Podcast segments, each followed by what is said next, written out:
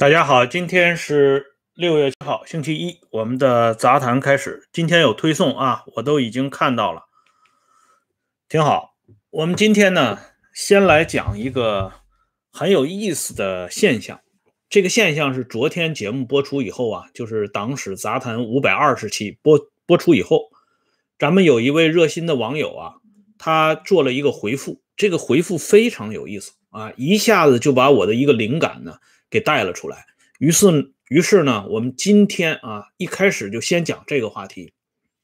这个话题是怎么说的呢？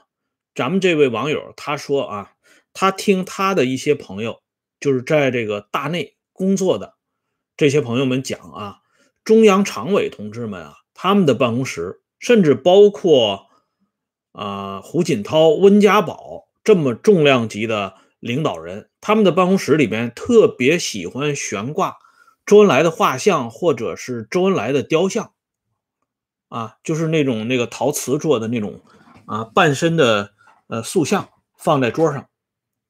但是呢，呃，这些常委们的这个办公室里呢，很少见或者是几乎看不见毛泽东或者是邓小平的画像或者是这个塑像，哎，这就是很有意思的一个现象。所以，我们这个网友呢，他就提出来，他说这个周恩来的影响确实是很深远的，从这个细节里边呢就可以看到。那么，有的朋友就提出来了，说，比如说其他的啊，一般的常委呢，办公室里边有周的这个画像呢、塑像，还可以理解啊，因为呢，他们是想做好辅助性的工作啊，做好助手，辅佐呢第一号人物呢处理好日常的这个事情。啊，周恩来自然是他们的楷模。那么，为什么像胡锦涛这种顶尖级的啊领导人呢？他的办公室里为什么也悬挂这个呃周恩来的画像和这个周恩来的塑像呢？这里边呢，实际上就涉及到一个很有意思的话题啊。刚才有的朋友说没有推送，有推送啊。今天大部分人都接到了推送，你没有接到推送，你看看是不是你的设置有问题啊？这里呢，我给大家展示一个手抄的啊，咱们一位朋友从互联网上挖到的这么一个手抄本这个手抄本的原文来自于哪里呢？就是一九七六年一月十五号，邓颖超在人民大会堂对周恩来的这些亲属的一番讲话。哎，这个讲话呢，呃，有点长啊，我就截取了他讲话的第一段展示给大家。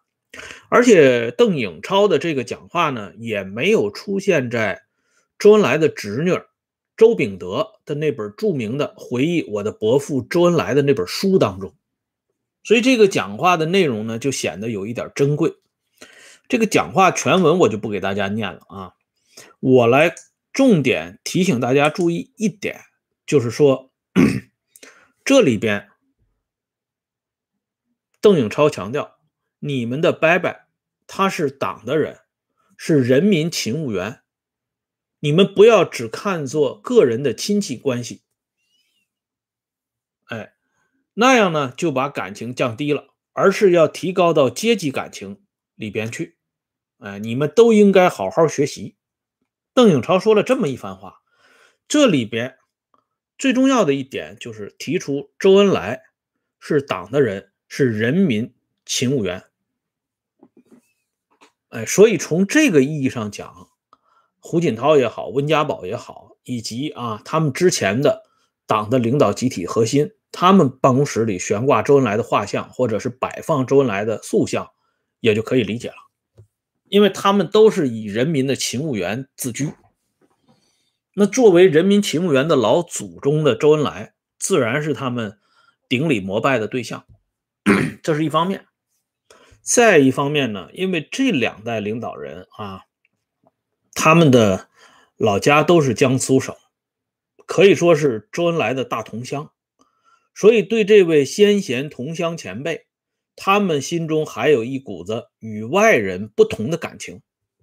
啊，这个胡呢，虽然祖籍是安徽绩溪，但他实际上是出生在江苏省泰州市，所以他也算是江苏人。啊，所以呢，对这个出生在江苏省淮安市的周恩来，那这种感情自然不同于其他地方的。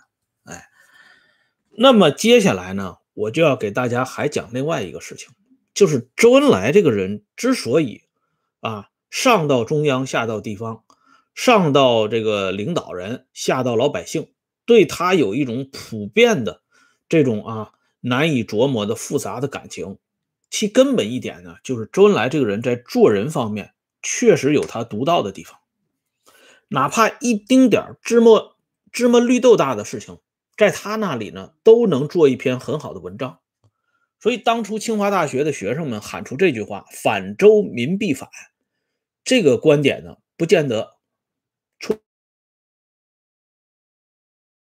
啊，一三番的予以引用啊，说明呢。他是有一定群众基础的，而我之前给大家描述过，周恩来是一个啊，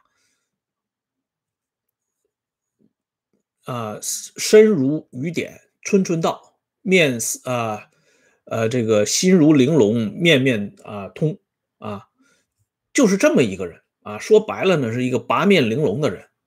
这里呢，我给大家举一个例子，大家一看呢就知道了。这个人呢，大家都知道。昨天我们不是提到了吗？安庆啊，安庆有一个大人物，就是陈独秀。当年南陈北李相约建党啊，南边呢陈独秀，北边的李大钊，这两个人是党的不折不扣的创始人。但是具体说起来啊，大家以前呢光能听到李大钊的名声啊，说孙中山呢跟李大钊握手言欢啊等等，其实啊。陈独秀，他的名气远在李大钊之上。哎，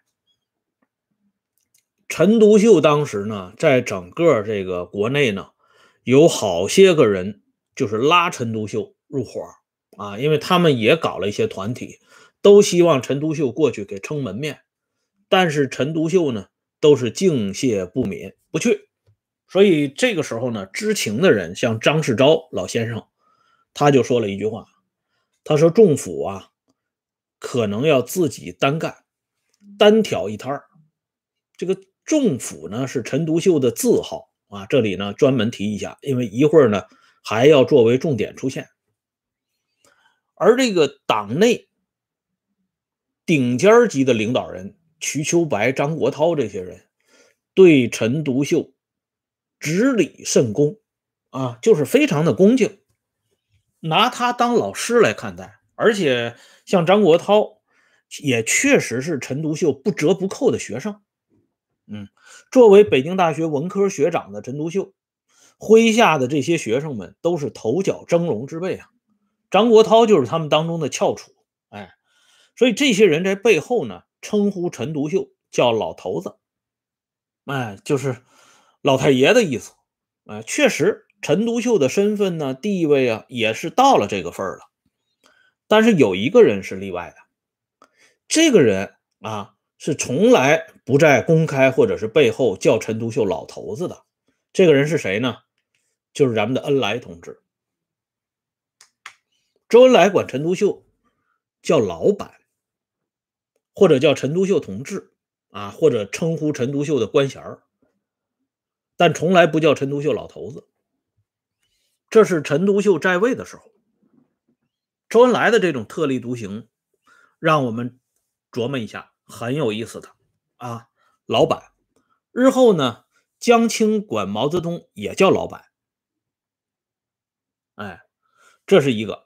再一个呢，我们知道陈独秀后来呢，陷入到托派的这个泥潭当中了。这就是昨天为什么有人问啊，安庆的陈独秀的墓呢？为什么只写陈独秀先生之墓，而不写陈独秀同志之墓？因为陈独秀由于托派的原因被开除了党籍，你都不是党员了，就没法称你为同志了啊！这个很好解释。那么我们知道，在抗日战争时期啊，党曾经派人呢对陈独秀呢做过工作啊，希望陈独秀在党外呢。也不要发挥反作用，要起到正能量的作用。而在这个过程当中呢，张国焘已经跑到国民党阵营去了。张国焘呢，也曾经代表国民政府对陈独秀呢有过一番劝说。一看张国焘出马之后呢，周恩来、董必武这边也坐不住了，也要争取陈独秀。可是，在陈独秀的这个称呼问题上，就显示出周恩来这个人娴熟的手法，不能再称老板了，因为已经开除党籍了。陈独秀同志那也是一样的，啊，更更不合适啊。总秘书这个头衔早就没有了，怎么称呼呢？确实是有点犯难。周恩来迎刃而解，周恩来管陈独秀叫仲老。啊，这里呢，我给大家打一下，仲老，为什么叫他仲老？刚才我说了，陈独秀字仲甫啊，所以呢，周恩来亲切的称呼陈独秀为仲老。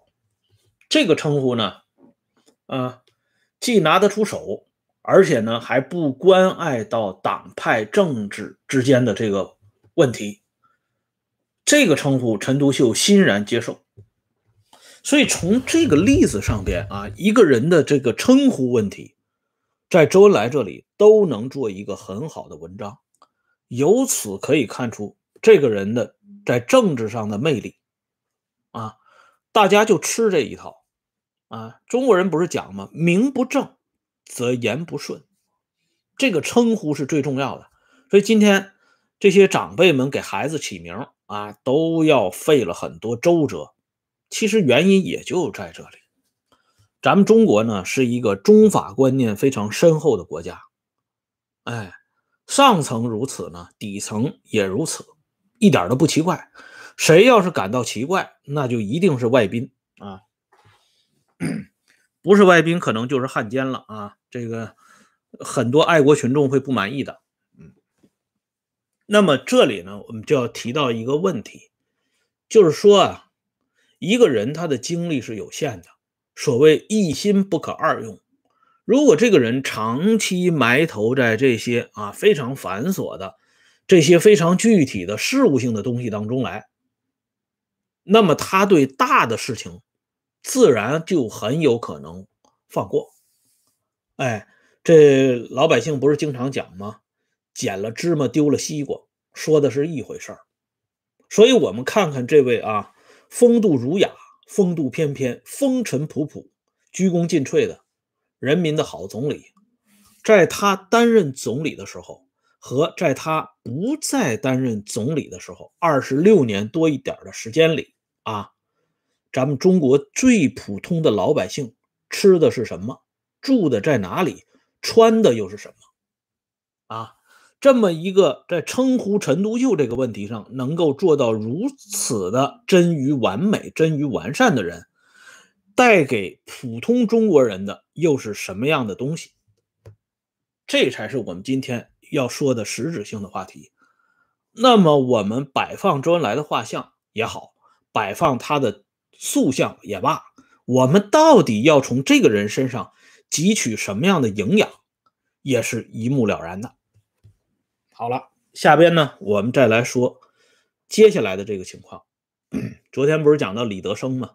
大家看一下，这是解放军画报当年留下的一张非常珍贵的照片。中国共产党第十次全国代表大会上，李德生呢就坐在康老的旁边，康老呢又坐在咱们的总理的旁边。啊，这么一张这个照片留了下来。昨天我们说了啊，这个许世友呢带头开炮。对这个中共中央设立副主席这个事情呢，他表达自己真实的看法。他认为就设立一个副主席就够了，或者呢，就咱们这几个老同志，总理啊、叶帅啊、康老啊就足够了，别把那些啊生瓜蛋子也弄进来。这个时候呢，李德生也表示同意。其实啊，这里边呢还忽略了一个人物，就是坐在中间的康老。康老当时有一个发言很简单，他说呢，这个总理啊，啊，主席、总理都讲过啊，这个关于年轻干部的使用问题，有一些年轻干部的优势啊，是我们不具有的。人家做过工，也做过农，我们这些人就没有做过工人，也没有做过农民，在革命经历上就差了一层。这个原话大意如此啊，因为这个呢是口述资料，不见载于公开史料，所以我们这里呢只是简单引用一下。康生为什么说这番话？他说这番话到底是劝和呢，还是拱火呢？这恐怕要留待历史的证明了。哎，但是康生说的这番话呢，显然也是对。这个党的第十次全国代表大会上设立中央高层领导的这个问题上，表达了一种委婉的意见。哎，说白了呢，也是冲着咱们的洪文同志来的，冲着王洪文来的。那么接下来呢，关于王洪文的这个啊任职的问题，就又出现了新的状况。昨天我们不是讲了吗？八月二十一号晚上，啊，许世友就说这个，呃，表态。那到了二十三号晚上呢，周恩来已经说了，这儿童团主席已经提出来了，要用儿童团，不要瞧不起儿童团。可是呢，到会的许世友还是不服气，多次插话，表达自己的意见。那许世友为什么要插话呢？这里边呢，就要说一下咱们的恩来同志啊，恩来同志这个人在讲话上边是很有一套的。这个刚才我不是给大家展示了这张照片吗？这个李德生啊，八月二十三号晚上这一天呢，这李德生就不吭气儿了，因为周恩来的讲话已经代表了伟大领袖的意见。之前李德生附和许世友的这个发言呢，李德生也知道了这里边的轻重，所以李德生对王洪文的任命呢就不吱声了。而这个时候呢，咱们的恩来同志啊说了这么一句话，他说：“你看看德生同志呢就很守纪律啊。”这个言外之意呢，就是李德生不吭气儿了。可是周恩来说了这句话之后呢？格外的刺激了许世友，这许世友呢就开始不停的讲自己的看法，而在这个时候呢，张春桥就不满意了，张春桥就提醒许世友啊，许司令，你要注意一下，因为这是主席的意见，要用儿童团。可是呢，许世友听了这话之后呢。非但没有沉默，反而勃然大怒，当众大声训斥张春桥：“你有什么了不起？”啊，这个会场呢就显得有些凌乱了。这段话的出处呢是官方出版的《毛泽东传》啊下卷第一千六百六十三页上边记载的，我把页数也告诉大家了。他转引的呢是中共中央政治局召集的省市自治区和中央党政军直属机关负责人会议记录，时间是一九七三年八月二十三号。可见呢，这个记录是原始的第一手资料。哎，所以呢，我们专门到这里呢引用一下。当初啊，我们知道这林彪就看不起这张春桥，对这个张春桥意见特别大啊。其实主要呢，就是因为张春桥在文化大革命第一阶段呢，他出的风头太厉害了啊，到处都有他，所以林彪那个时候就说张春桥、姚文元是不知道从哪里冒出来的小记者。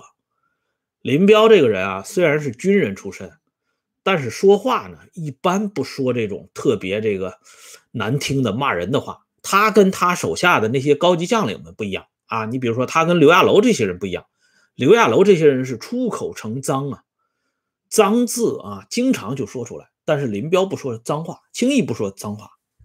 可是他对张春桥的评价，小记者这话也已经就够狠的了，这就表明了林彪对张春桥内心的这种蔑视啊。可是林彪死了以后呢，这张春桥就成精了啊，越来越厉害，哎。不仅呢，这个积极的参与党中央的日常事务工作，你像这个日本的首相啊田中来访的时候，他作为这个国务院的负责人之一，也陪同周恩来啊接见。然后呢，你看这个在这个敞篷轿车上，也经常跟这个外宾啊啊一起这个接受路边夹道欢迎的人民群众的啊这种表现和表演啊，这简直就是登堂入室了。而且他和姚文元一起掌握。中央的这个意识形态大权，这两个人就是控制了几乎所有的这个喉舌，哎，所以在这种情况下，我们知道这宣传呢是党的命根子，这个东西掌握在谁手里，实际上谁就是最有话语权的。那么许世友这样的人物当然就看不惯了，特别是像王洪文这种人啊，许世友几乎是非常清楚这个王洪文是一个什么概念。连张春桥他们都瞧不起王洪文，何况许世友呢？而且就在这个党的第十次全国代表大会期间，别说许世友这样的人对张春桥口出不敬啊，即便是咱们上海市最普通的打酱油的，我们今天不是说吗？谁谁是啊打酱油的？说白了就是围观的群众吧？啊，连这上海市打酱油的都看不起张春桥。专门给伟大领袖写了一封信，直接点名道姓的就把张春桥给列了出来。那这封信到底是怎么回事呢？咱们留待明天接着说。感谢朋友们上来收看和收听，欢迎大家关注温相说时政会员频道，周一到周五每天都有更新，除非啊这个会员和非会员节目合在一起播。啊，否则的话都会有专门一期会员节目，风雨无阻啊。好了，谢谢大家，再见。